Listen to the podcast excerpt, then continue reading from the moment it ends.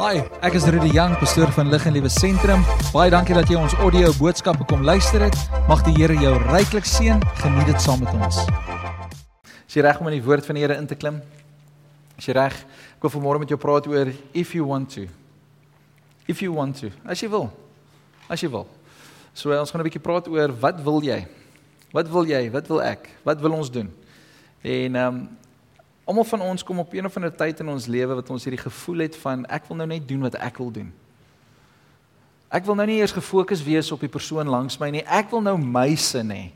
Wie het al daai gevoel gehad? Nê? Nee?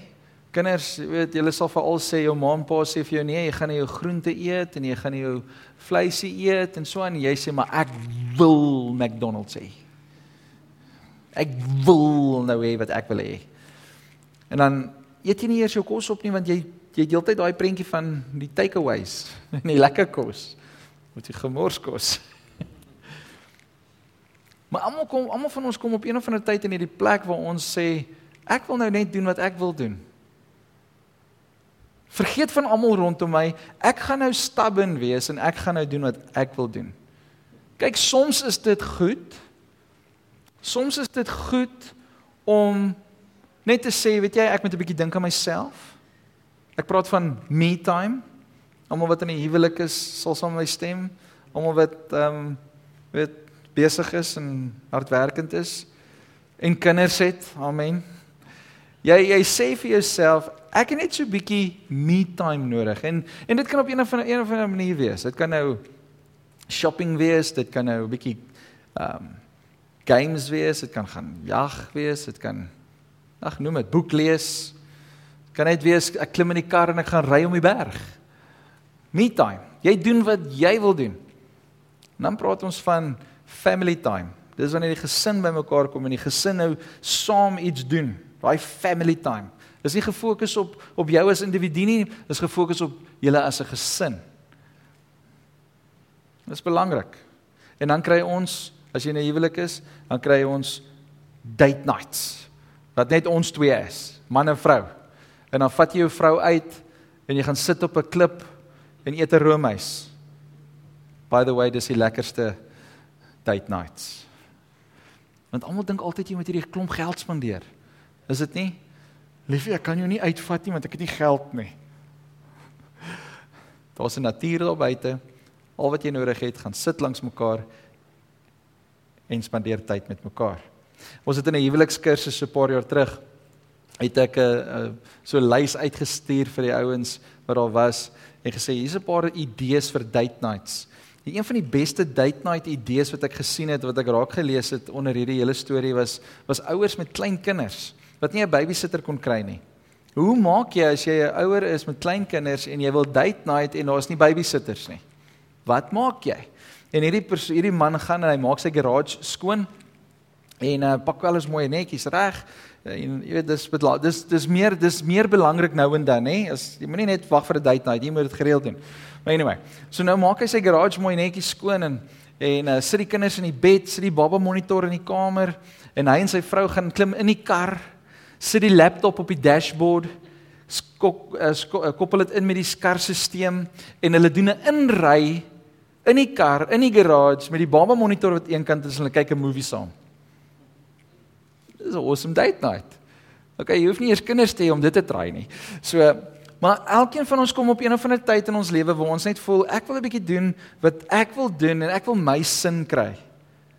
Maar die Bybel leer ons jy weet dat ons anders moet dink. Die Bybel leer ons dat ons op 'n ander manier moet funksioneer. Nou wat doen ek om te doen wat God wil hê ek moet doen? Hoe gaan ek God se wil uitleef? Wie van julle het al daai vraag gevra? Hoe leef ek God se wil uit? Wie van julle dan, nê? Dis een van ons grootste vrae. Hoe doen ek die wil van God? Hoe gaan ek weet dat ek nou is dat ek nou in die wil van die Here is? En hierdie vraag kom by ons op want want ons word gekonfronteer tussen die twee gedagtes van wat is my wil? Wil ek nou net my sin kry? Iemand was lelik met my by die werk en nou gaan ek bedank of bedank ek by die werk want dit is God se wil vir my lewe want hy het 'n ander deur vir my oopgemaak. Julle hoor die die kontras, die konflik wat nou in hierdie gedeelte um vasgevang is. So hoe weet ek wat is die wil van die Here in my lewe? Hoe gaan ek bepaal ek is op die regte pad? Nou hierdie is alles vrae wat by my wat by ons opkom wanneer ons keuses moet maak en ons eie wil in die pad is. Nou ek hoop en ek vertrou dat die Here vir vandag vir ons 'n bietjie gaan help om te weet wat ons wil is en wat sy wil is en hoe ons in sy wil kan inklim. Want jy sien dit help nie net jy jy weet wat sy wil is nie. Jy moet dit wil doen. I want to do the will of my father. Dit gaan met 'n wilsbesluit wees om jou wil neer te lê en die wil van God te doen. So kom ons maak ons Bybels oop in Matteus 16 Matteus 16 terwyl hulle so te blaai. Ehm um, as jy iets wil doen, gaan jy dit doen.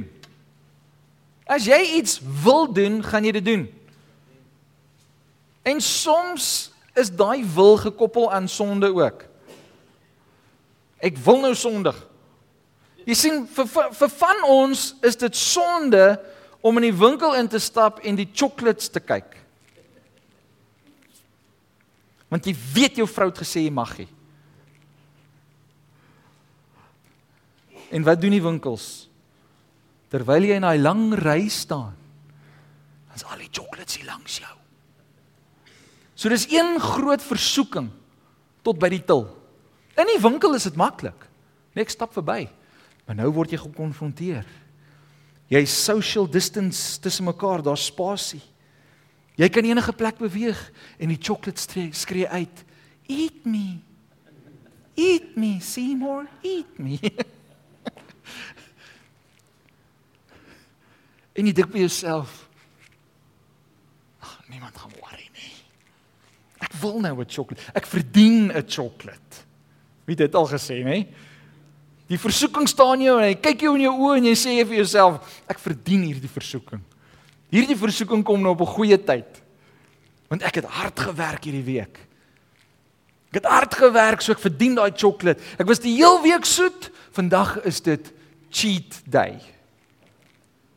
Ek mag 'n sjokolade eet. En jy doen wat jy wil doen want jy wil dit doen. Want niemand gaan iets doen as jy dit nie regtig wil doen nie. Jy gaan doen wat jy wil doen. Nou kom ons lees in Matteus 16 vers 21. Matteus 16 vers 21. From then on Jesus began to tell his disciples plainly that it was necessary for him to go to Jerusalem and that he would suffer many terrible things at the hands of the elders the leading priests and the teachers of religious law. He would be killed. What a speech. Jesus begin dadelik met sy disippels praat en sê ouens ek moet Jerusalem toe gaan. Hulle almal weet Jerusalem is nou op die oomblik 'n gevaarlike plek vir hom. Hy kan nie nou soontoe gaan nie. Maar Jesus sê vir hulle ouens ek moet soontoe gaan want ek moet doodgaan. So dink gou 'n bietjie wat het deur sy disippels se kop gegaan. But on the third day he would be raised from the dead. So Jesus gee hulle die slegte nuus saam met die goeie nuus. Maar die goeie nuus is 'n bietjie onwerklik. Die goeie nuus is half 'n bietjie van jy gaan doodgaan. Nee nee nee, julle julle die goeie nuus geskiep. Nee, nee Jesus, ons kan nie Jerusalem toe gaan nie, jy gaan doodgaan. Ja, maar gaan die derde dag opstaan. Maar Jesus, jy het nie gehoor wat jy gesê het nie. Jy gaan jy gaan doodgaan. Vergeet nou van opstaan. Jy kan nie opstaan as jy dood is nie. En die disippels se koppe gaan 'n bietjie te mekaar. Hoekom? Want hulle kyk vanuit 'n fisiese oog uit. Vers 22. But Peter, Petrus is hom 'n ek meen Petrus, as jy hoor van Petrus, dan weet jy hier kom iets. But Peter took him aside and began to reprimand him for saying such things. Jesus, ag in jou mond uitwas met peper.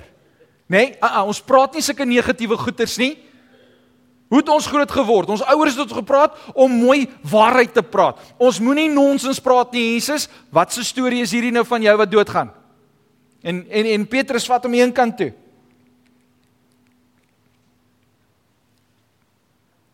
Heaven forbid, Lord. Ek meen nou kom Petrus en hy trek nog die hemel ook in. En hy sê, Lord, This will never happen to you. This will never happen to you. Ek meen hy het goeie intensies. Hy gaan met goeie intensies na Jesus toe. Jesus turned to Peter and said, "Get away from me, Satan." You, luister mooi wat sê hierdie vertaling. You are a dangerous trap for me. You are seeing things merely from a human point of view, not from God's. Then Jesus said to his disciples, If any of you want to be my follower, you must give up your own way, take up your cross, and follow me. If you try to hang on to your life, you will lose it. But if you give up your life for my sake, you will save it. And what do you benefit if you gain the whole world but lose your own soul? Is anything worth more than your soul? For the Son of Man will come with his angels in the glory of his Father and will judge all people according to his deeds. And I tell you the truth some standing here right now will not die before the kingdom, before they see the Son of Man coming in his kingdom. Is dit nie 'n mind-blowing gedeelte nie? Is dit nie die woord wat net kom en mense verryk nie? Hierdie woord van die Here is so klein en eenvoudig, die kleinste kind kan dit verstaan en Jesus sê vandag vir my en vir jou, jy moet in die wil en plan van God kom. Moenie deur jou eie perspektief, deur jou eie vermoë begin redeneer en sê, "Maar ek kan nie dit doen vir die Here nie, want en jy het jou verskonings nie." God sê dat ons moet uit die regte oë begin kyk. Ek meen, kom ons dink gou 'n bietjie. Petrus is 'n nice ou. Petrus is 'n visserman. Hy's 'n hardwerkende man. Hy doen wat hy moet doen en hy en hy en hy's nou 'n volgeling van Jesus en hy volg vir Jesus met alles wat binne hom is. En hier kom hy met goeie bedoelings na Jesus toe en sê Here asseblief, jy kan nie doodgaan nie. Jy kan nie doodgaan nie. Moenie eers sulke goed sê nie. Heaven forbid. Hy het goeie intensies en Jesus draai na hom toe en sê, "Get behind me, Satan." Ek dink bring ek kom uit by my op. Dis eintlik Judas wat Jesus moes wat wat wat Jesus moes nou verloon het. Maar hier's Petrus, 'n goeie ou. En hy en hy word nou gesê hy's die duiwel. Maar jy sien, wat was die gees agter sy woorde? Dit was om vir Jesus 'n struikelblok te wees. En dan kom ons in die kerk en ons kom in die lewe en 'n ander Christen maak my seer en ek gooi my toys uit die kot uit en ek blameer God. En ek blameer almal rondom my. En ek sê ek wil niks meer te doen hê met God nie en ek loop. Ek is jammer, ek is gelukkig nou nie op die platform nie, so ek kan dit sê. Nee nee, ou ooms het ons altyd afgeklim as hulle iets kontroversieel wil sê, nê. Nee. So dis hoekom ek maar van vandag heeltemal onder bly want ek dink alles wat ek gaan sê gaan kontroversieel wees. Maar anyway, Ek dink mense wat God blameer vir foute wat tussen mense gebeur.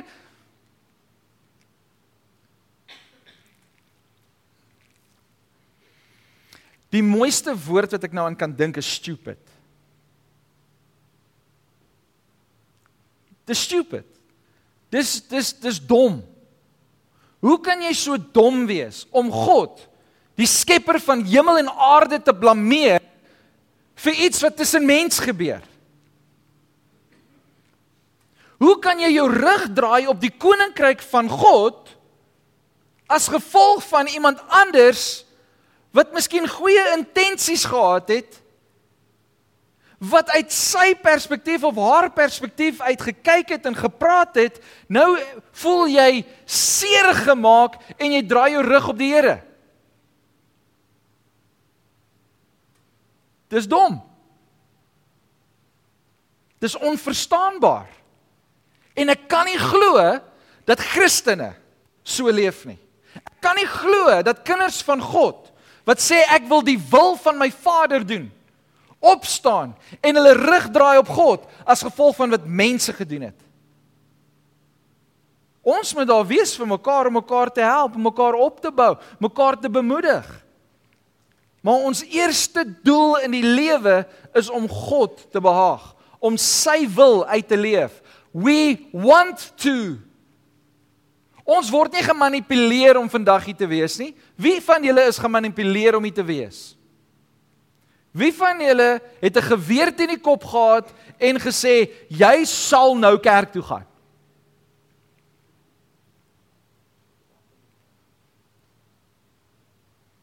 Meeste van ons wat hier sit, wil hier wees. Ek kan nou nie sê almal nie, want ek weet daar is miskien een of twee wat wat deur hulle vroue getrek is of deur hulle mans getrek is. Nee, want die Bybel sê ook dwing hulle in die koninkryk van die Here in, maar dis nou nie manipulasie nie, dit is iets anders, dis geweld. Um Dis is 'n uh, pastoor, ek dink dit was pastoor Jimmy Crompton of iemand, ek ek kan nie lekker die naam onthou nie, maar die pastoor het gegaan en vir vir vir ouens het na hom toe gekom en gesê pastoor, daar iemand wat die ou moet moet in die kerk kom en die Here ag en die pastoor sê vir hulle, man, die Here sê dwing hulle in die kerk in.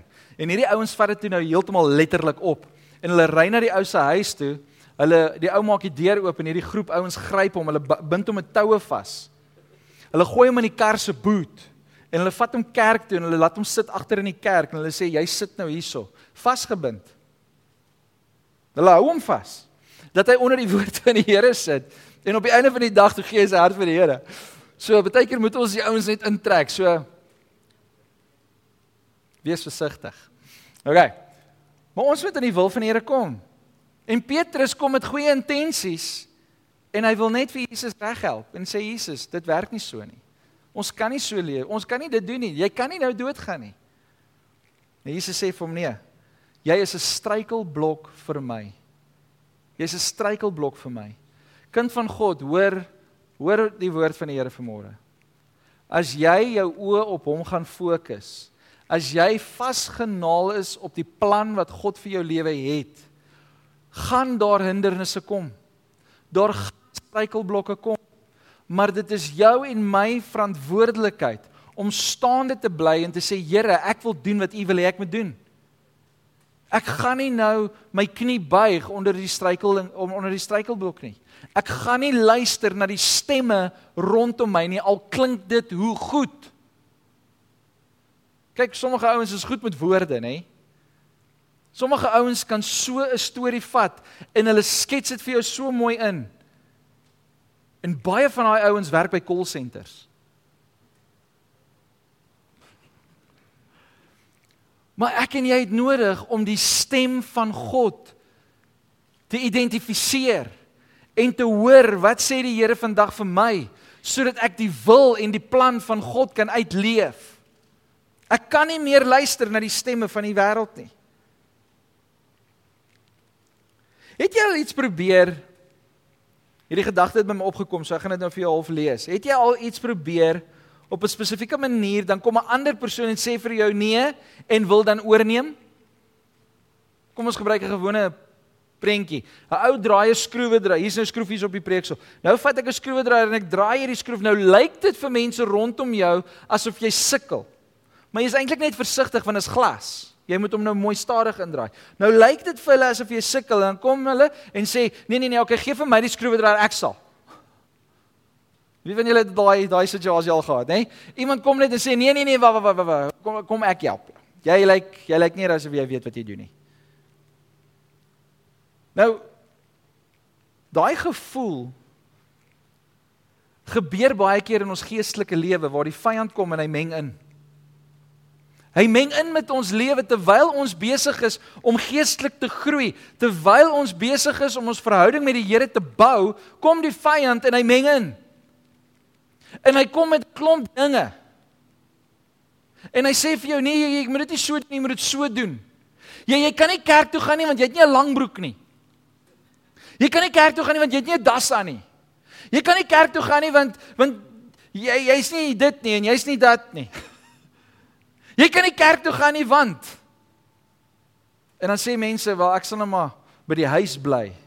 Of die vyand sê vir jou, "Jy moet 'n das hê en nou trek jy 'n das aan, maar jy voel so ongemaklik in die kerk." Ons moet die Here loof en prys, maar ek word verwerg.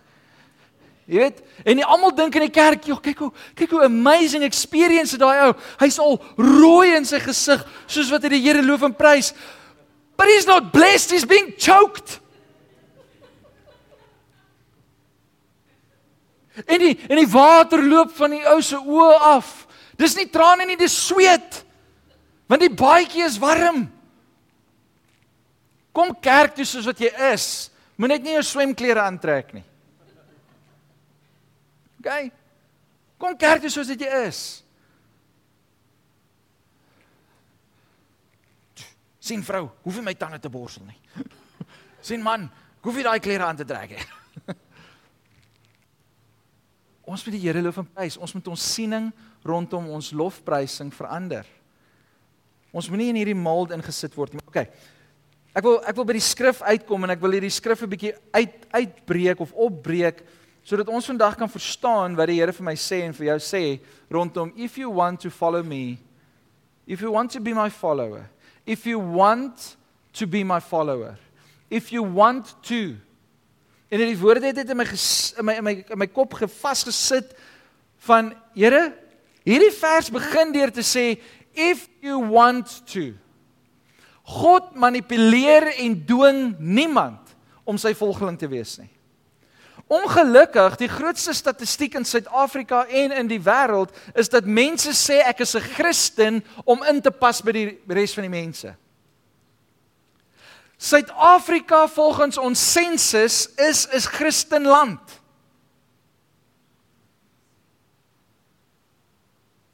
Meeste mense praat Christenese. Meeste mense wil kerk toe gaan maar doen nie. Daar's sommige mense wat net 3 keer in 'n jaar of op 3 verskillende tye kerk toe gaan. Kersfees? Paasfees? OK, miskien 4 keer. As iemand doodgaan of as iemand trou. En dan troues word nie eers meer op kerk in kerke gehou nie. So daai net tel amper nie eers meer nie. En dit gaan nie oor die gebou nie. Dit gaan oor die konteks van ek wil tyd saam met die Here spandeer saam met broers en susters. So daar is hierdie moeite wat ek insit om in God se teenwoordigheid in te kom saam met ander mense. So die Here sê vir my, when Jesus said to his disciples, if any of you wants to be my follower. So God kom vandag na jou en my toe en hy sê vir my en vir jou, wil jy my volg? Wil jy my volg? Nou, ek wil 'n eerlike hand sien. Daar's nêrens 'n kamera op jou nie. Dit's net ek wat jou sien. Agterste mense gaan die voorste ouens miskien nou sien. Maar ek wil 'n eerlike hand hê. En jy moet jou hand opsteek of jy moet jou hand sak. Want ek wil dit nou verder vat. Wie van julle OK, kom ek stop net eers daar. As ek nou die stelling gemaak het en jy voel in jou hart ek wil nie. Asseblief, hou jou hand onder. Niemand gaan niks van jou dink nie. OK? Het jy hom? Want ek wil nie voel, ek wil nie hê gemanipuleer voel of onderdruk voel en en weet en en dink mense het my nou gedwing om my hand op te steek nie, want ek wil hierdie boodskap vat na 'n verdere punt toe. Ek wil hierdie boodskap vat sodat jy dieper woord van God kan kry vanmôre. En watse kant jy ook al kies, gaan jy die dieper boodskap van God hoor. OK? Is almal saam met my? So die vraag wat ek vir jou wil vra is: Wie wil God volg?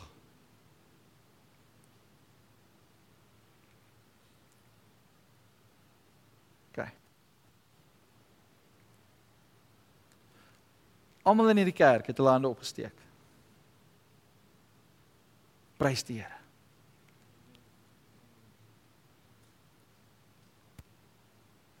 Wil julle God volg? smile gegaan? Ek gaan op die Here volg. Ja. Wie wil die Here volg? Hierso kom hy. Hier kom vir julle drie punte wat jou lewe totaal en al gaan verander. En as jy vandag gesê het ek wil, dan beteken dit jy wil. Jy word nie gedwing nie, jy word nie gemanipuleer nie, jy word nie ge gemind games whatever nie. Dis 'n wilsbesluit wat jou siel sê Ek wil. Jy maak 'n ingeligte keuse om te sê ek wil die Here volg.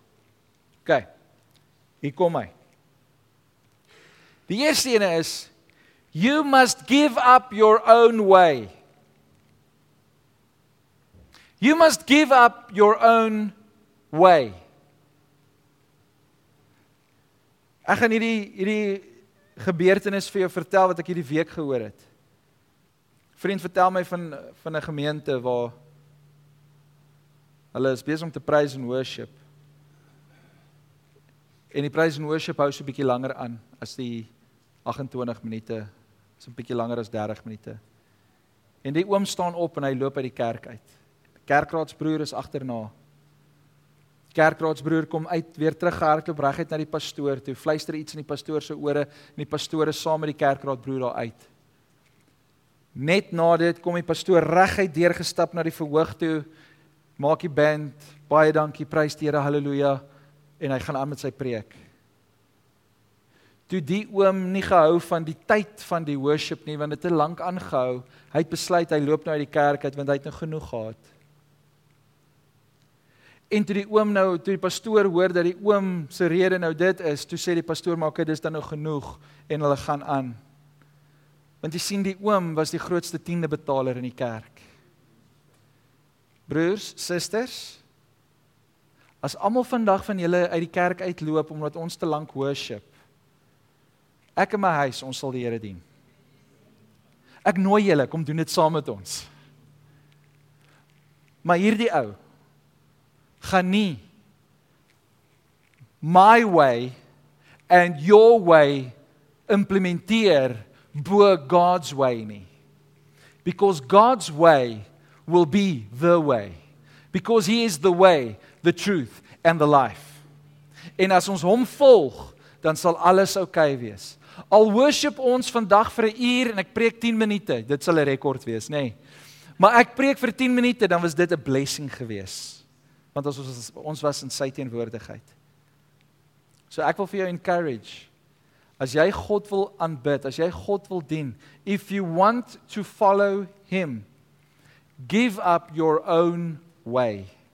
Jy moet jou eie wil eenkant toe skuif en sê Here, ek wil doen wat U wil hê. I want to Enige keuse wat ons maak word bepaal tussen wil ek of wil ek nie. Wil ek, wil ek nie. Dis die keuse. Wil ek, wil ek nie.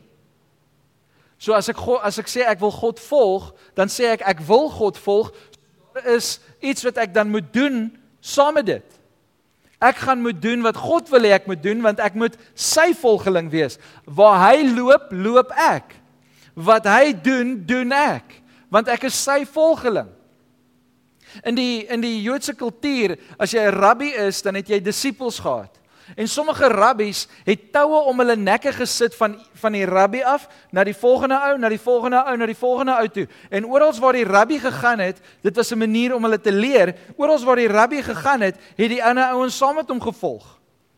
As die rabbi so geloop het, dan die volgelinge so geloop.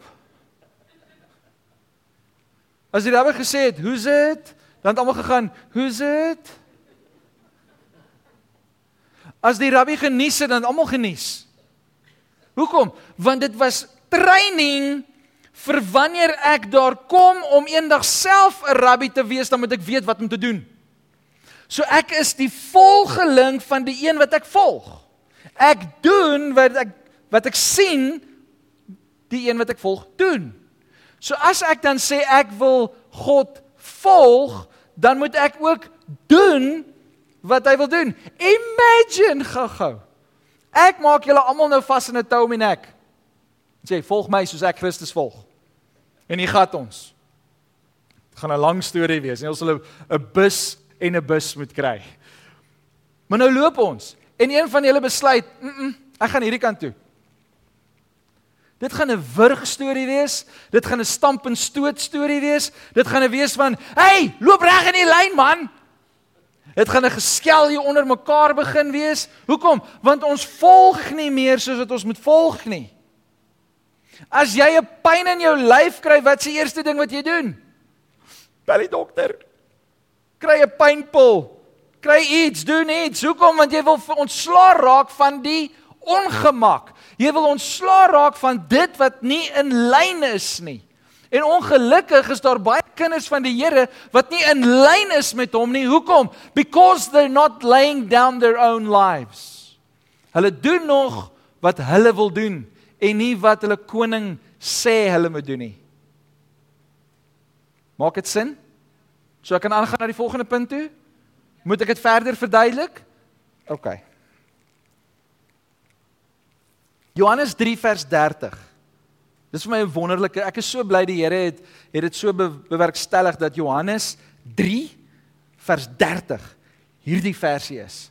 Johannes 3 vers 30 sê ek moet minder en Christus moet meer. Ek moet 3 wees en Christus moet 30 wees. Ek moet minder en Jesus moet meer. Want as Jesus meer is, gaan ek doen wat hy doen. I'm going to follow the leader. Maar as ek nou Johannes 30 vers 3 gaan lees, gaan ons lank soek want daar is nie so iets nie. Dit gaan 'n blank papier wees. As jy wil doen wat jy wil doen in jou lewe, gaan dit maar 'n blank storie wees. En jy gaan jou eie storie skryf en jy gaan niemand volg nie. Maar die Here roep ons om volgelinge te wees van Christus. Sê vir die langs jou, jy moet volg, boetie of sussie. Jy moet volg. He must become greater and greater. And I must become less and less. Hoe meer ons aan werk om minder te word en God meer en meer in ons lewe in te trek, hoe makliker gaan dit vir ons wees om die wil van die Vader te doen. Is dit nie? Doen gou-gou 'n toets hierdie week. Dis net 'n week.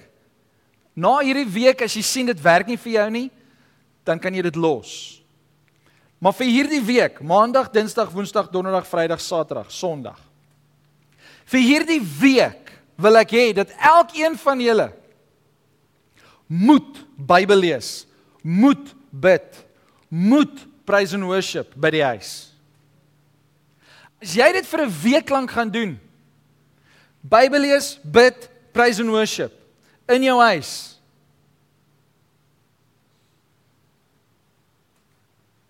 Dan kyk ons, hoe was jou week aan die einde van die week? Ek wil vir jou garandeer, ja, daar gaan aanvalle wees van die vyand gaan dit nou glad nie like nie en hy gaan die Petrusse in ons lewe gebruik. Maar aan die einde van die week gaan jy sien oorwinning na oorwinning na oorwinning na oorwinning. Jy gaan so vol wees van God. Hoekom? Want jy tyd met hom spandeer. As jy tyd saam met my spandeer, dan gaan jy beter voel. So nooi my vir koffie. Nee? Hoekom? Want ek's 'n vriendelike ou. Dis julle kyk my funny aan hoor. Imagine net. Imagine net. Jy spandeer so baie tyd met God soos wat jy met jou beste pelle spandeer. Imagine wat gaan in jou lewe gebeur. Imagine net die invloed wat God in jou lewe gaan hê bo die invloed van jou vriendekring. Ek wil jou uitdaag. Ek manipuleer jou nie, ek challenge jou vandag. Soek God vir hierdie week elke dag en sien hoe hy jou lewe verander. En kyk die resultate wat gaan plaasvind omdat jy hom gevolg het, omdat jy jou eie wil neergesit het om dit nog lekkerder te maak as daai spesiale soupie van jou opkom, net days of our lives. Nee?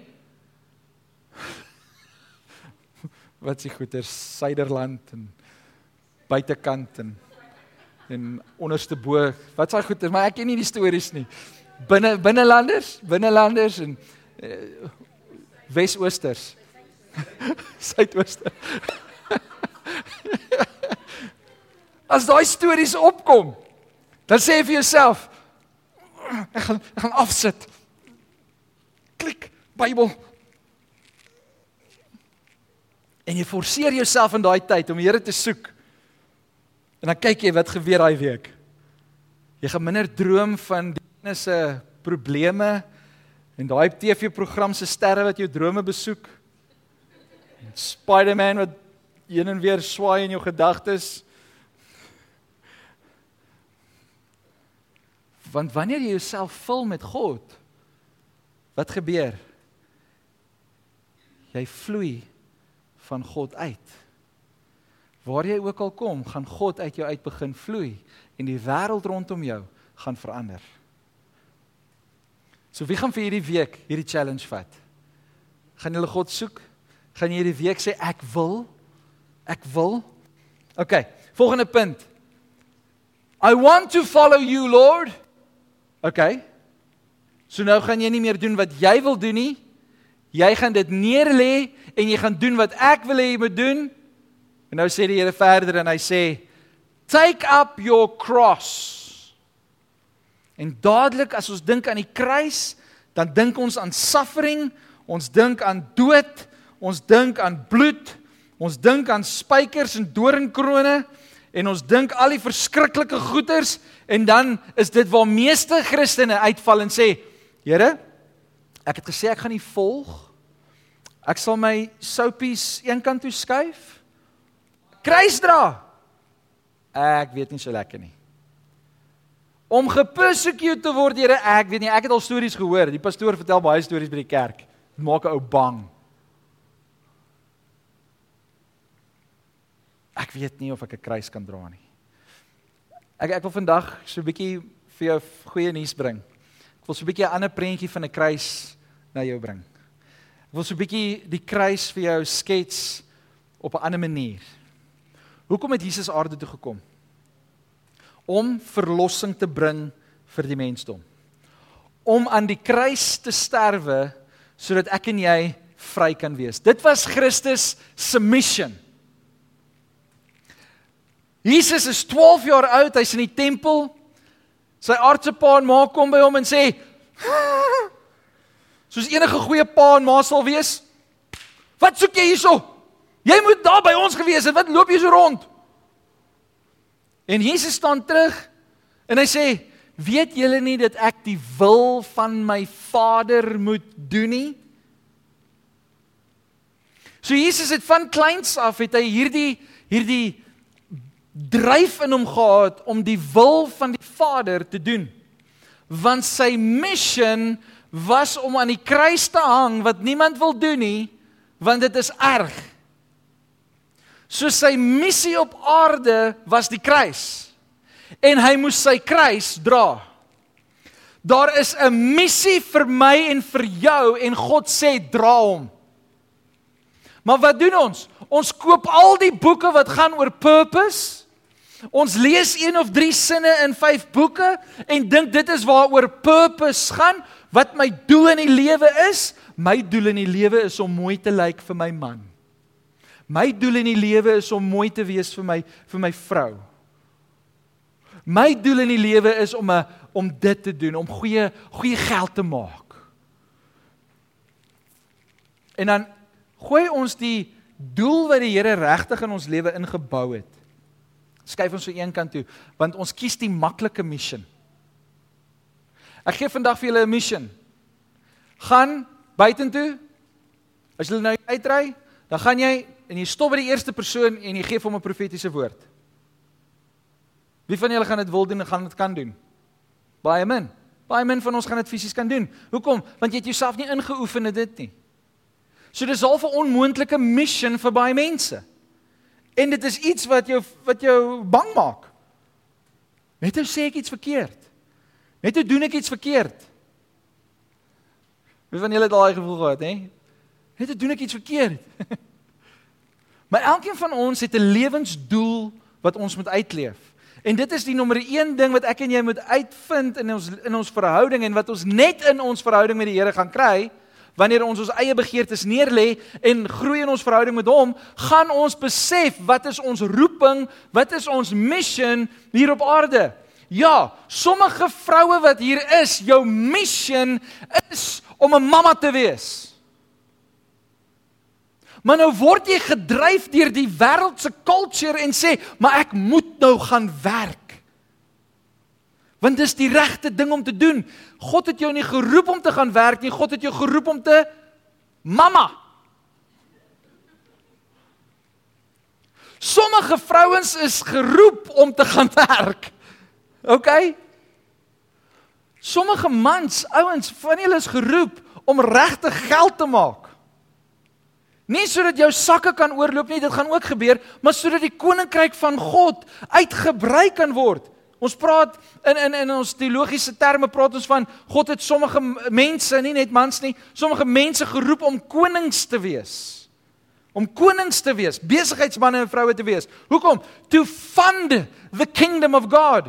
Sodat die koninkryk van God, sodat daar siele kan inkom. Want jy sien dit kos geld om siele te be, bearbei. Sommige mense is geroep om predikante te wees. Sommige mense is waaragtig nie geroep nie. Sommige pastore is nie geroep om 'n predikant te wees nie. Ek hoor nou net van 'n storie. Die die die ou sal vir 20 jaar is hy 'n predikant en hy haat elke oomblik van dit. Na 20 jaar besef hy, maar hy gaan liewer sy eie besigheid begin en hy begin 'n besigheid en dit skiet in die multimiljoene in. Hoekom? Want sy roeping was nog nooit om 'n predikant te wees nie, maar om 'n koning te wees, 'n besigheidsman te wees, sodat die bediening vorentoe kan gaan. Maar hy het dit verkeerd geïnterpreteer toe hy jonger was. Mense het hom verkeerd gehelp toe hy jonger was en hy het gedink hy moet in die ministry wees, want ek het vandag vir julle almal goeie nuus. Ons almal is in die ministry. Regtig pastoor? Ek kry nie 'n salaris nie. Lê jou eie begeertes neer. Neem jou kruis op en volg hom. Dit is tyd dat die kerk van Jesus Christus uitvind wat is ons doel? Wat is ons mission sodat ons daardie kruis kan opneem en dit kan vorentoe vat? Want jy sien die mission, die opdrag wat die Here jou gee, gaan nie altyd maklik wees nie. Dit gaan persecution wees. Daar gaan mense wees wat jou skop en slaan en terg. Daar gaan mense wil keer dat jy dit moet doen, soos Petrus. Mense naby aan jou gaan keer dat jy jou mission uitleef. Hoekom? Want die vyand wil nie hê dat jy jou mission moet uitleef nie, want as jy jou roeping gaan begin uitleef, gaan hierdie wêreld totaal en al verander. Want dan kan hy jou nie keer nie. Hy gaan probeer. Maar as jou oë soos Jesus op God se missie is vir jou lewe en jy gaan dit doelgerig najag, dan gaan jy sukses hê. Want as gevolg van die missie wat Jesus gedoen het, is daar 'n mensdom wat gered is. En is ons nie dankbaar dat Jesus sy missie voltooi het nie. Hy hang aan die kruis en hy sê it is finished. Baie van ons Baie van ons is nog ver weg van ons missie af, van die doel hoekom ons hier op aarde is. En soms net meer as soms moet ons ons voete uit die boot uithaal en op die water begin loop want ons het daai geloof nodig. Ons het nodig om daai geloof te bou sodat wanneer ons by daai plek uitkom van ons doel uitleef, dan gaan ons die geloof nodig hê om die pad vorentoe te stap. Wanneer God met vir ons dan sê, neem jou kruis op en volg my. Ja, daar gaan persecution wees. Ja, daar gaan pyn wees. Ja, daar gaan al daai goeters wees, but it is more than just the cross. It's about the mission God has given you to fulfill. Want Paulus sê ek gaan die wedloop voltooi. Ek gaan my wedloop voltooi. Het julle geweet as ek praat van 'n atleet wat is die eerste ding wat by jou opkom? Atleet. Hm? Spoed. OK, naloper. Atleet, wat nog? Fiksheid. OK. Wie het gedink aan gewigstoot? Netbal. Is atleet. Hoe? O, wenpaal. Jammer. netbal, wenpaal, as 'n Paul Erns. maar 'n atleet, ons dink dadelik aan die ouens wat vinnig hardloop. Ons dink nooit aan die atleet wat deelneem aan die gewigstoot, diskus, paalspring. Hulle is ook atlete. Maar nou het ons hierdie prentjie van ek moet my wedloop voltooi en ek dink aan spoed, ek dink aan langafstand en ek dink aan almal wat hardloop. Van julle is geroep om julle gewig agter die koninkryk in te sit. Sommige van julle is geroep om daai spies te vat en te gooi en distance te kry. Om die distance te gaan. Waarvoor is jy geroep? Nee pastoor, ek laat dit oor aan die een langs my. Ek wag. Jy lyk nie soos 'n atleet nie. Bietjie fiksheid. Jy sien en dan begin ons mekaar. Ja, maar jy lyk nie soos ek nie en en jy dink nie soos ek nie en jy jy jy jy ryk nie soos ek nie en jy en ons het al hierdie hierdie hierdie titeltjies en kategorieë wat ons mekaar aansit. Ons is 'n liggaam. Van julle is die tone. Van julle is die vel. Van julle is die blinde darm.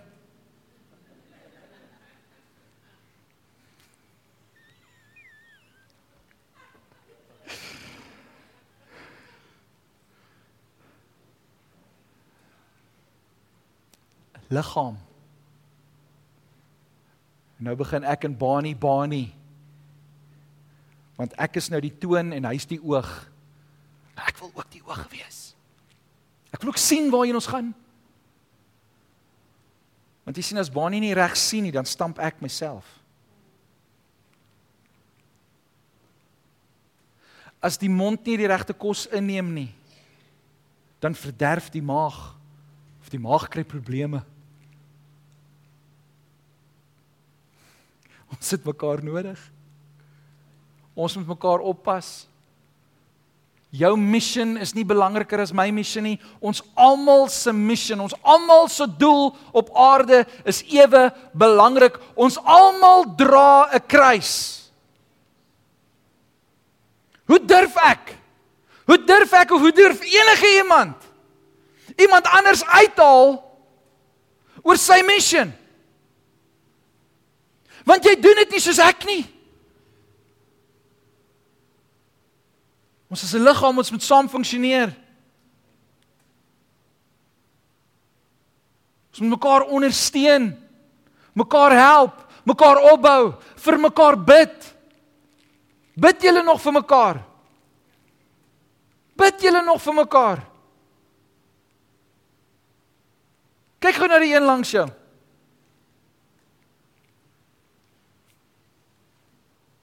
Bid jy vir daai een langs jou? Wel, man en vrou nou langs mekaar, obvious ja. Hoopelik.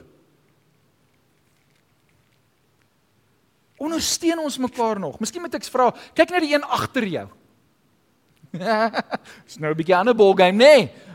As ek nou vra, bid jy vir my? Pastoor, is niemand agter my nie. Ek hoef nie te bid nie. Hier's net 'n stage agter my, so vir wie gaan ek bid? Ons moet nog wees vir mekaar. Neem jou kruis op en volg my. Toe Jesus hierdie hierdie prentjie Jesus dra, ek meen hy's gegeesel. Eyster been goeters sweep is in sy vleis in. Vleis is uitgeruk. Hy is stikkend. Jesus is stikkend. Hy dra sy kruis op pad Golgotha toe.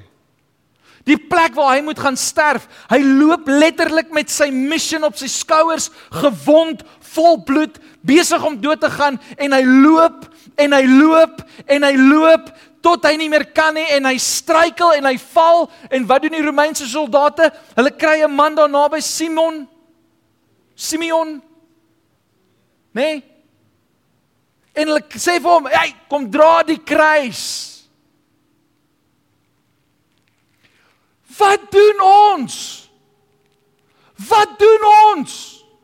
As een van ons val en struikel in ons mission. Kyk, sy verdiende loon. Hm.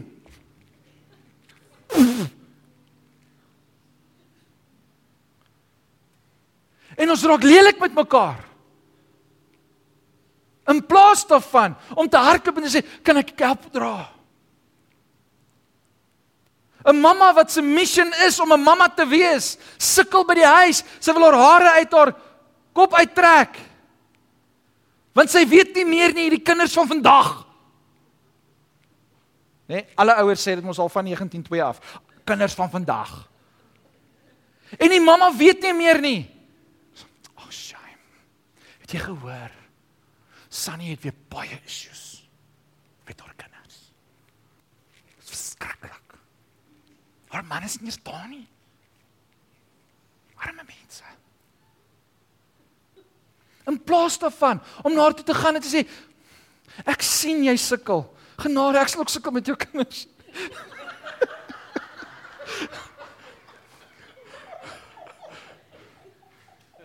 Dis wie 'n voucher gaan doen jou naels en jou tone en Moenie jou hare uitblik nie, gaan doen jou hare.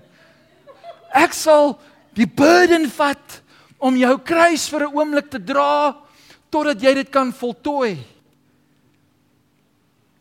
Dis kind van God. Dis om 'n volgeling van die Here te wees. Nie om mekaar te skop en te sê ag shame. Dis dis verskriklik. Jy hoor van die besigheidsman wat deur 'n moeilike tyd gaan. Nee nee nee. Dis weet jy dit is omdat En dan probeer ons kinderstories maak. In plaas daarvan om te gaan, weet jy, hoe kan ek jou help? Hoe ek kan nie ek ek ek nie miskien kapitaal om in te stoot nie. maar ek kan jou help, moet ek kom help admin doen of moet ek iemand skel by jou werk? Ek weet nie. Julle moet maar sê. Ek kan bid. Begin ten minste daar. Nee, ons wil nie ons kruis ons medemens help om die kruis te dra sodat die missie voltooi kan word nie want weet jy wat? Aan die einde van die missie gaan die wêreld gebless word. Maar nou hoor ons hierdie verse in in die kerk. Hy wat my wil volg moet sy kruis opneem. En dadelik dink ons aan persecution. Ek moet na whatever wow, Wakanda toe gaan. Want daar is baie persecution. So ek stap gewilliglik in die persecution in. Here, ek volg U want ek neem my kruis op want hier's persecution. Dis nie wat die Here bedoel nie. Die Here wil hê dat jy by jou mission moet uitkom. Ken jy jou mission? Hierdie week wat ons almal dedicated is om die Here te soek is ons mission. As jy nog nie weet wat jou mission is nie is jou taak om uit te vind by die Here hierdie week wat jou mission is. 2022 is waar die kerk van Jesus Christus gaan opstaan en sy mission moet voltooi. En as ek praat van kerk praat ek van jou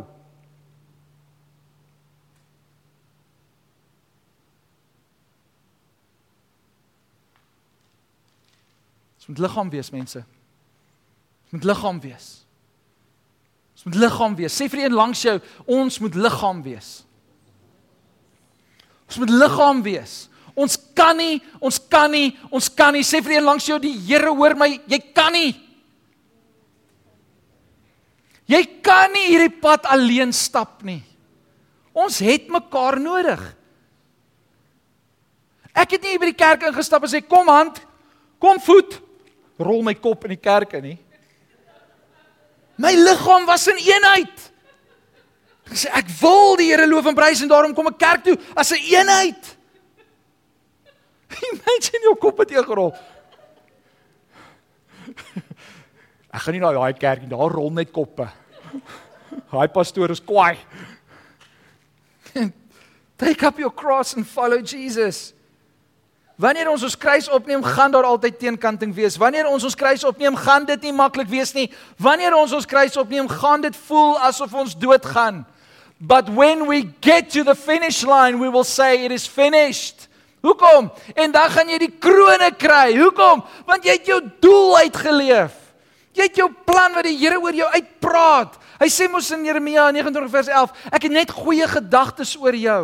Goeie drome, nê? Ek het vir jou 'n toekoms. Die Here het klaar vir jou klomp goed uitgeskryf. Hy het alles wat jy nodig het om jou missie uit te leef is klaar binne in jou. Jy en ek het nodig om dit uit te bring. Hoe doen ons dit? Deur tyd te spandeer met die Here. Deur tyd, ekskuus tog, deur tyd te spandeer met sy woord. Vrouens, antwoord my hierdie een vraag. Hoe voel jy as jy verdwaal en jou man sê ek stop nêrens nie? Dis hoe ek baie keer voel as ek sien kinders van die Here verdwaal en hulle wil nie in hulle Bybel tyd spandeer nie. Nee pastoor, ons vat dit maar dag vir dag. Weet jy, ja, ek hoor jou, maar jy moet 'n plan hê. Jy moet weet. Ek het hierdie ding geleer van jongs af. Ek beplan asof die Here nooit kom nie, maar leef asof die Here nou-nou kom. Jy beplan asof die Here nooit kom nie, maar jy leef asof hy nou gaan kom. Nou.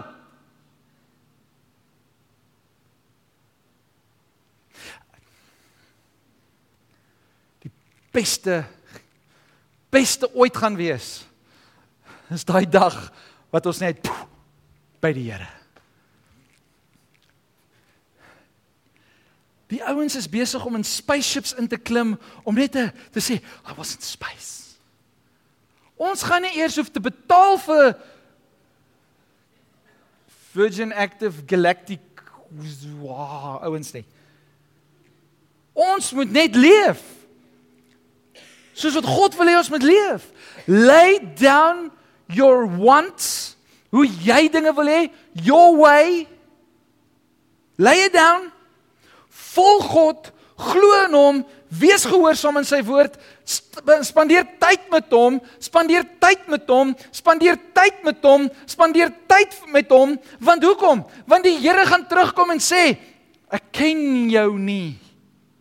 Hy gaan nie terugkom en sê, "Hm, ek sien jy het 3922 koeksisters gemaak vir die kerk. Baie mooi. Hemel is joune." Die hemel is nie te koop vir 'n koeksister nie. Die hemel is oop vir die wat glo in Jesus, wat 'n verhouding het met Jesus, wat tyd spandeer met hulle koning, wat sê, "I want to follow you." En jy sien ons baie mense wat God wil volg, maar nooit by die kruis uitkom nie. Daar's baie mense wat sê ek wil Jesus volg, hulle hulle hulle eie planne neerlê. Want hulle sien dit as 'n heilige oomblik as ek nie Suidlanders binnelanders of iemand daai ding goeters kyk nie. Want ek kruisig myself nou. Dis nie wat die Here bedoel het nie. En dan is waar hulle stop. Want die kruis is vir hulle net 'n groot prentjie.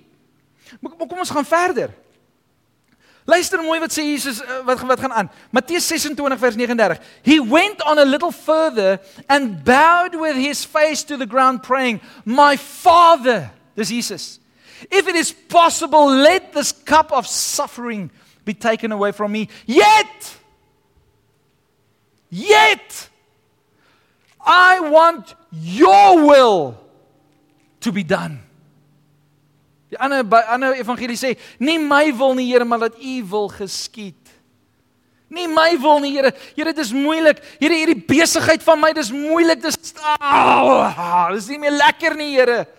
Here hierdie kinders van my gee vir my 'n ander hartklop vir my kinders. Here gee vir my 'n ander hartklop vir my vrou, gee my 'n ander hartklop vir my man. Here hierdie werk waar ek is, oh, al die frustrasies, al die sufferings is daar. But yet not my will, Lord. Your will be done. Here ek sal 'n mamma wees vir hierdie kinders al staan hulle hare pank. Al het hulle tattoos, Here. Al lyk hulle soos wat die wêreldstelsel hulle ingeteken het en al daai goeters. Al lyk hulle Here nie soos die prentjie wat ek vir hulle wil hê nie. Here, dankie dat jy my help om hulle lief te hê. En weet jy wat? when you surrender your will before God and his will becomes the prominent will dan gaan al hierdie ander dinge gaan uitgesorteer wees. Hoekom? Want hy kyk na sy kinders. Hy kyk na sy kinders. Ek weet nie hoekom baie hamer op hierdie ene van mammas nie. Ek voel net hier's mammas hierso wat sê ek weet nie meer nie. My grys hare het al grys hare. Ek ek ek ervaar regtig in my hart. Jy moet rustig raak. Leef jou roeping uit. Wees 'n mamma. Wees 'n mamma. Al is jou kinders hoe oud? Miskien lyk jou kinders al ouer as jy. Wees 'n mamma. Mamma. Mamma hoor julle. Wees 'n mamma. Die Here gaan vir die wysheid gee. Ek ervaar dit in my gees. Die Here gaan vir jou die wysheid gee. Amen. Maar Jesus kom en hy hy het hierdie kruis op sy skouers en hy sê Here nie my wil nie, maar U wil geskied. Ek skiep 'n hele paar. Wanneer dit alles in lyn is, wanneer ons begin het deur te sê I want to follow you en ons begin by die volgende stap deur alles neer te lê wat ons way is, nê? Nee? It's not my way, it's, it's God's way. Wanneer ek hom begin eerste stel in my lewe, eerste prioriteit.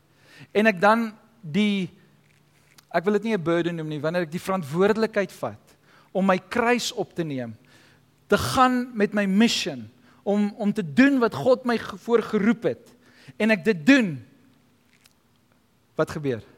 Outomaties volg jy hom want jy kan nie een van hierdie vorige punte doen as Jesus nie voor jou is nie. As Jesus nie in jou oë is nie as hy nie in jou visie is nie gaan jy hom nie kan volg nie 'n pastoor het eendag so geloop, kan nou nie lekker sy naam onthou nie. My pa het ook al 'n storie vertel. Dan stap hy. Dan dan stop hy en almal wat saam met ons stop, dan sê hulle wat nou? Sê nou the Holy Spirit already turned. Dan gaan hulle terug aan ervaar weer die Heilige Gees en draai hier af. Dan stap hy. Word gelei deur die Heilige Gees. My vraag is is ons op 'n plek in ons geestelike lewe dat ons gelei word deur die Heilige Gees? of sukkel ons nog met daai eerste deel van my way? Is it my way or God's way? En wanneer ons dan dit neergelê het, ons doen wat dan? Outomaties begin ons sensitief raak vir die kruis wat ons moet opneem. En wanneer ons daardie kruis mee begin loop, dan begin ons besef that we are following in the footsteps of Jesus. Then we are truly following him. Om Jesus te volg beteken dat ons gesien word saam met hom. Dat ons gesien word saam met hom. Dit beteken dat wanneer jy by daai werksfunksie is, dat jy gaan nie lyk like soos die wêreld nie. Maar jy gaan lyk like soos Jesus. Want jy volg hom. Dat wanneer jy by die skool is saam met jou kinders, mamma, pappa, dat jy gaan optree soos wat Jesus optree en nie soos die ander pappas en mammas wat slaan met 'n handsak nie.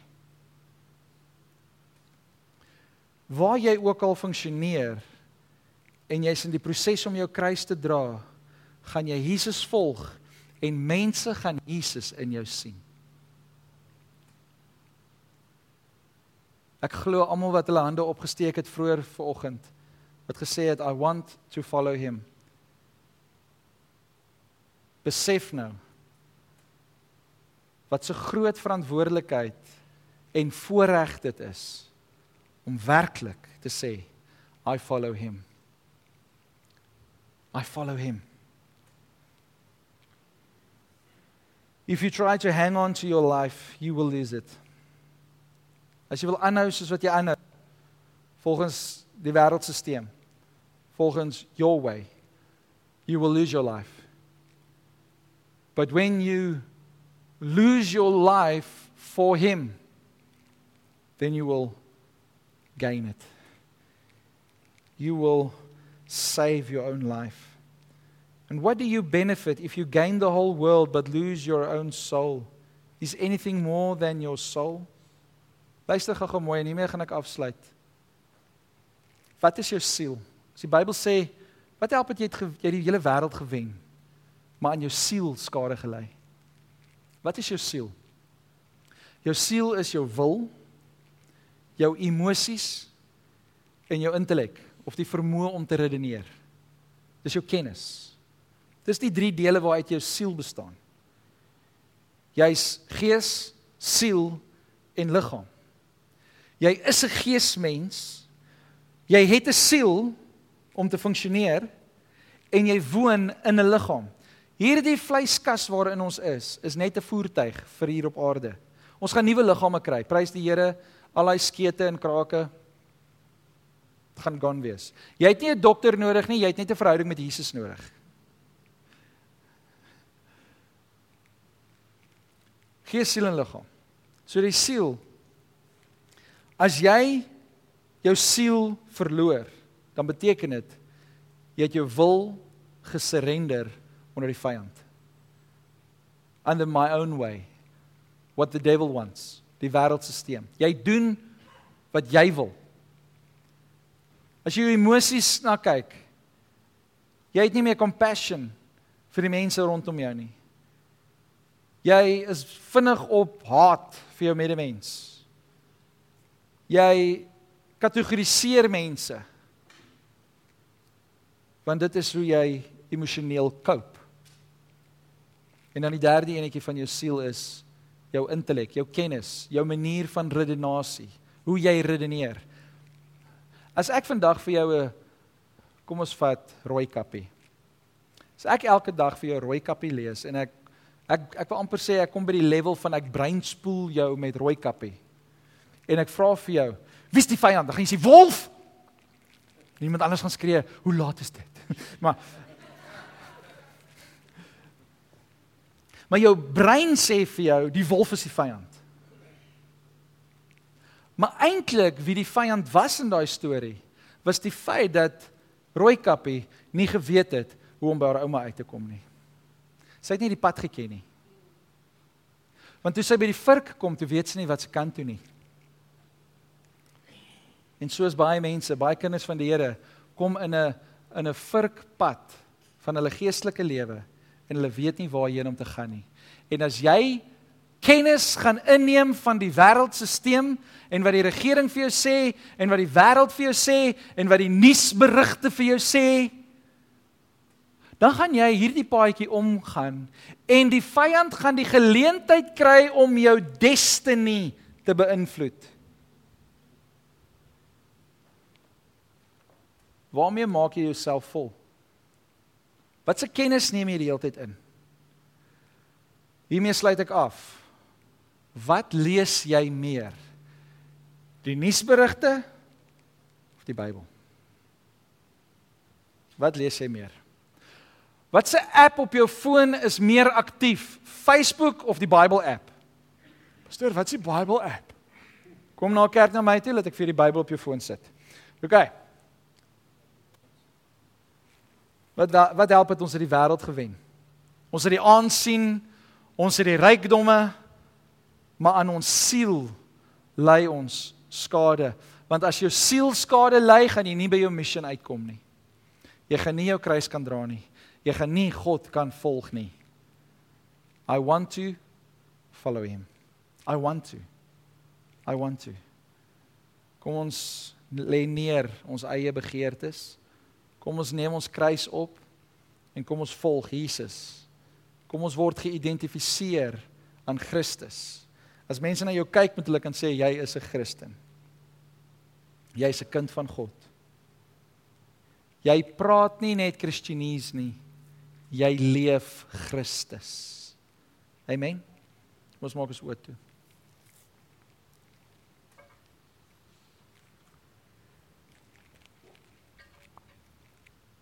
Die uitnodiging was al ver oggend vroeër gegee in die worship. Maar ek wil dit weer maak. As jy vandag hier so sit en jy sê I want to follow him, maar ek is so ver weg van God af. Ek weet nie eers meer wat se kant toe nie. Ek is by daai vurkpad. Daai twee rigtingstraat. Ek weet nie wat se kant toe nie. Dan wil ek hê jy moet gou vinnig vorentoe kom. Wil jy my gou vinnig vorentoe kom? Kom staan hier by my.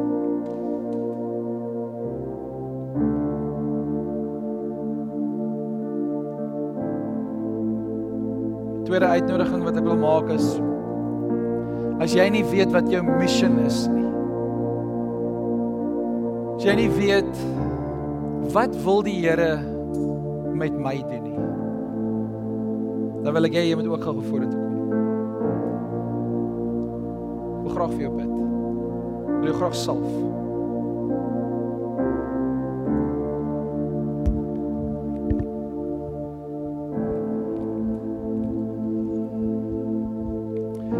Jy sit miskien daar by die by die huis en jy kyk net die boodskap aanlyn en jy wonder by jouself hoe nou en wat nou.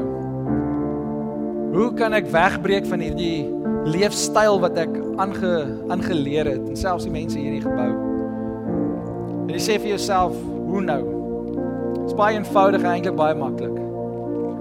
Jesus het gesterf aan die kruis om vir jou en vir my die pad gelyk te maak. Vir my en vir jou die oorwinning te gee sodat ons ons kruise kan dra. Sodat ons hom kan volg, sodat ons vry kan wees van dood en van sonde.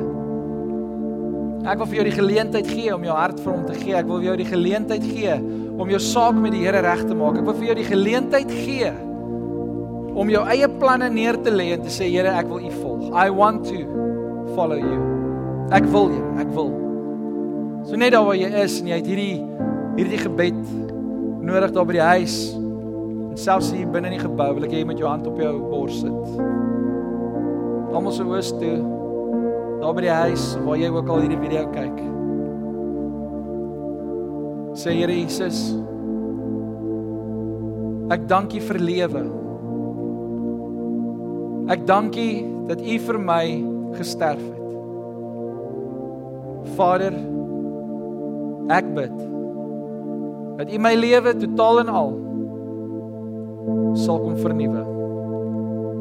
Ek lê vandag my eie begeertes neer. En ek neem U begeerte in my lewe in. Vergewe my sondes.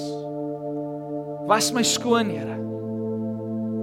Maak my 'n nuwe skepsel. Vorm my en maak my dit wat U wil hê ek moet wees. Dankie Here dat U het 'n roeping oor my lewe. Help my Heilige Gees om hierdie roeping te ontdek en dit te begin leef. Ek weet die tyd is min. Die koms is om die deur. Om die draai. En ek bid, Here, gee vir my ook tyd. Gee vir my ook die geleentheid om my mission, my kruis te kan dra. Want ek wil U volg. Dankie dat ek U kind kan wees. Dankie dat jy my vrymaak van gister. En dat van vandag af 'n nuwe dag in my lewe kan wees. Jesus naam bid ek dit. Amen. As jy aanlyn hierdie gebed gebid het en jy wil meer inligting hê, gaan gerus na ons webwerf toe. www.liginlewe.com. Jy 'n bietjie afskraal is daar so 'n blokkie wat sê salvation. Jy kan daar gaan klik en daar's 'n bietjie meer inligting van wat Jesus gedoen het om my en jou te verlos van sonde. En as jy hier in die gebou sit en jy het hierdie gebed gebid, kom maak na die tyd 'n draai by my, kom sê vir my. Ons sal graag saam met jou wil bid, ons sal graag saam met jou wil die pad wil stap sodat jy kan staande bly. Dat daai kere wat jy voel jy kan nie meer hierdie kruis dra nie, dat daar broers en susters om jou kan kom en jou kan help om jou kruis te dra. Sodat jy ook jou mission kan voltooi in Jesus naam. Be blessed. Mag julle 'n awesome Sondag verder hê. Ons gaan ook hierdie geleentheid gebruik om ons tiendes en ons offerandes te bring. Die sakkies gaan by julle verbykom en gee vandag aan die Here. Ons God is 'n God wat gee. Amen. En ons volg net ons God. Ons volg ons ons Vader en ons doen wat hy doen. en ons gee. En my gebed is en ek ek wil hê dat julle saam met my moet bid. Dat elke sent wat in hierdie bediening ingesaai word, dat dit 'n siel sal aanraak. Of dit nou baie aanlyn is en of dit nou hier in die gebou is of daar buite in die samelewing is. Maar dat elke sent wat geallokeer word in hierdie bediening dat dit 'n siel sal aanraak. Al gaan daai sent vir die lig en vir die water. Maar dit siele selfs na die Here toe sal kom as gevolg daarvan. Amen. Amen. Baie dankie dat jy ons audio boodskap geluister het. Mag die Here jou ryklik seën. Besoek gerus ons webwerf by www.liginlewe.com.